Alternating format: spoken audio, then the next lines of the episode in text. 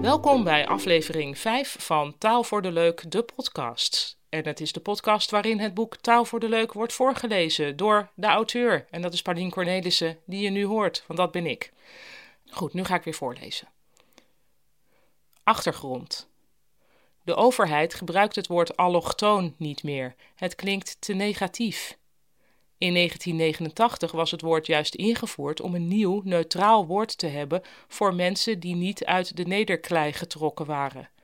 Maar net als met elk woord dat verwijst naar iets waar mensen iets bij voelen, dat kan niet neutraal blijven.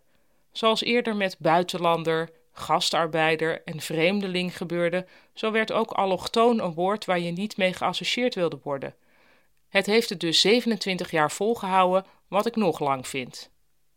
Wat komt er voor in de plaats? Wel nu, vanuit de overheid wordt voortaan gesproken over inwoners met een migratieachtergrond versus inwoners met een Nederlandse achtergrond.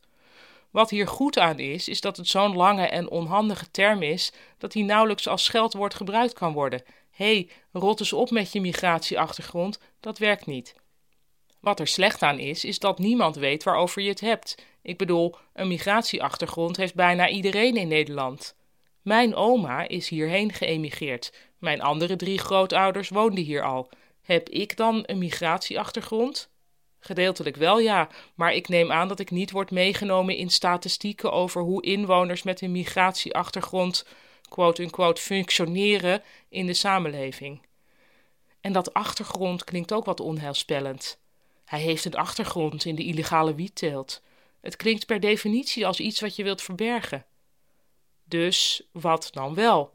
Het blijft raadselachtig waarom de Amerikaanse oplossing, Mexican American, Korean American, hier niet aanslaat. Natuurlijk, je hoort wel eens Turkse Nederlanders, maar dat is uitzonderlijk. Het lijkt alsof er in Nederland een alles overheersende behoefte is om iedereen die Nederlands bloed niet door daderen heeft vloeien, op één hoop te gooien. Survive. Bij de blokker is een bloempot in de aanbieding waarop staat I will survive. Voor planten die een duidelijk signaal aan hun baasje willen geven. Danstype. Wanneer je als volwassene op een danscursus gaat, dan zegt dat iets over het type mens dat je bent. Tango is voor stellen die proberen de passie in hun relatie terug te vinden. We communiceren nu op een heel andere manier. Salsa is meer voor mensen die vinden dat de Nederlandse cultuur niet sensueel genoeg is en die behoefte hebben aan een paar uur per week waarin de verhoudingen tussen man en vrouw wel duidelijk zijn. Ik moest echt leren om mezelf te laten leiden. Vrouwen die op klassiek ballet gaan, doen dat omdat ze denken dat ze iets hebben laten liggen toen ze op hun dertiende zijn gestopt. En nu blijkt het te laat om het been nog achter het oor te krijgen.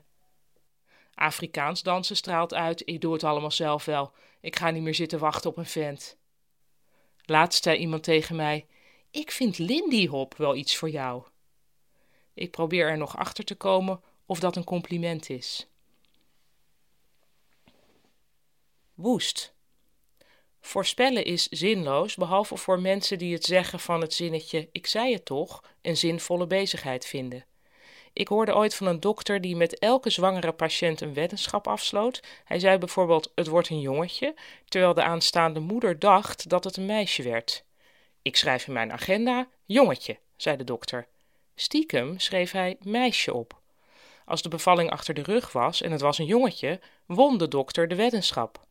Als het echter een meisje was, dacht de moeder gewonnen te hebben, maar dan toverde de dokter zijn agenda tevoorschijn en liet zien: hij had toch echt meisje opgeschreven. Gek dat de moeder dat nou verkeerd onthouden had. Hormonen, hè? Maar nu toch ook een voorspelling van mij. Ik kreeg namelijk binnen welk woord binnenkort groot gaat worden. Juist, het woord woest. Sinds een aantal jaar is woest al een vrij populair synoniem voor boos. Ja, nee, ze moeten niet aan mijn cavia's komen, dan word ik woest. Rustig maar, lieverd. Daarnaast wordt woest min of meer ironisch gebruikt in zinnen als Herman is een woest aantrekkelijke man, daar zijn we het op kantoor allemaal over eens. Maar onlangs hoorde ik een nieuw gebruik van woest. Iemand zei: Ja, maar die situatie is ook woest ingewikkeld. Hij keek er ernstig bij. Kijk, woest ingewikkeld. Dan staat de deur open voor een veel vrijer gebruik van woest. Die vrouw is woest hysterisch, maar ze bakt woest lekkere brownies. Of zo, hallo, woest praktisch bezig met die schuttingbuurman. Als woest echt aanslaat, dan wordt het natuurlijk ook de ideale jongensnaam. Dit is Bink, dit is Scherf en dit is Woest. Dan zijn we alweer een paar jaar verder vermoedelijk, maar ik heb het alvast genoteerd. Misschien nog als een leuke side note over dit stukje. Degene die heeft gezegd: ja, maar die situatie is ook woest ingewikkeld. Dat was eigenlijk onze uh, premier, Mark Rutte. Maar ik vind het vaak heel, um, ja, of een beetje een soort van zielig als, als specifieke personen worden gepakt of zo op wat ze zeggen. Omdat je roept natuurlijk wel eens wat. Um, ja, en ik vond verder, ja, ik vind het wel heel erg bij hem passen. Maar ik dacht, ja, ik zie het ook wel andere mensen. Zou ik dit ook wel kunnen horen zeggen? Dus ik dacht, ik schrijf gewoon op iemand dat het niet zo is van Mark Rutte zei dat. En nu verraad ik het toch. Maar dat is voor de mensen die, die de podcast luisteren. Want we zijn onder elkaar, hè? Duidelijk. In de Amersfoortse nieuwbouwwijk Vathorst is een Chinees restaurant dat Chinees restaurant Vathorst heet. Ik vind deze naam van een ontroerende duidelijkheid. Arg. Omdat we steeds meer appen en mailen en steeds minder praten, zijn er steeds meer woorden die aan de schrijftaal toegevoegd worden. Woord in kwestie: arg. Ik schrijf dat heel vaak, vermoedelijk omdat er in mijn leven veel frustrerende dingen gebeuren. Ik noem het etui met al mijn lievelingspotloden dat nog steeds weg is, iets waar ik niemand de schuld van kan geven. Goed. Het interessante aan arg is dat het een woord uit de stripwereld is. De Engelstalige stripwereld, specifieker, en het bootst een pijnkreet na. Je kunt het ook spellen met een h erachter, zo arg, en als het allemaal echt heel erg is, dan varieer je met het aantal A's. Dus arg. Omdat mensen toch ook af en toe wel eens wat willen zeggen en niet alleen maar naar hun telefoon willen kijken, merk ik dat arg terug naar de spreektaal gemigreerd is. Arg, roep ik, met een harde Nederlandse G. Heeft dus niks meer te maken met het ark waar het vandaan komt. Het heeft niets met een pijnkreet te maken, maar iedereen begrijpt de uitroep wel. En is het zo ook eigenlijk niet veel beter met een harde G? Het roept associaties op met argwaan en archeologie, twee begrippen waar inderdaad genoeg frustratie in zit. Defensief lachen. Stel, je maakt een kinderserie voor peuters. Dan wil je waarschijnlijk uitstralen dat het leven leuk is en alleen maar leuker wordt. Dat snap ik wel en daar sta ik ook achter. Dus zit een peuterserie meestal vol met blije wezens die graag met elkaar spelen. Thuis keken wij een tijdje naar een peuterserie waarin een konijn en een buitenaards wezen vriendschap met elkaar hadden gesloten. Tuurlijk, why not?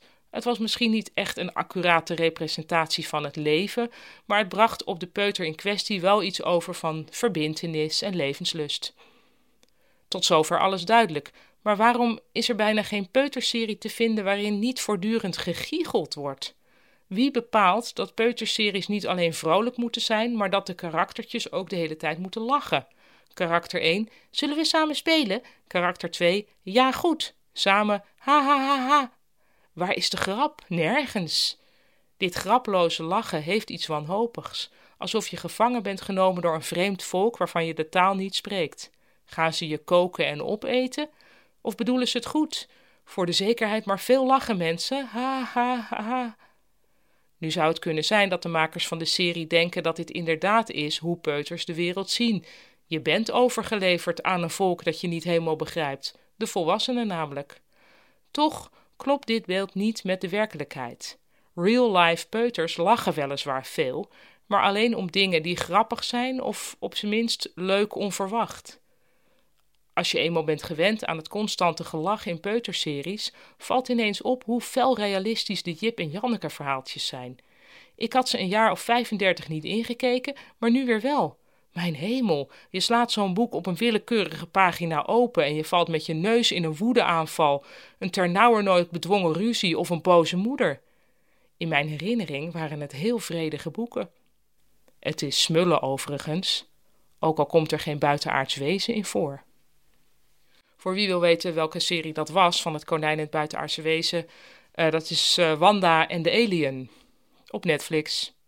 Vast ook niet voor eeuwig, maar het stond een tijdje op Netflix. een schattige serie. Nou, en dit was dan weer aflevering 5 alweer van de podcast Taal voor de Leuk. Luister morgen weer.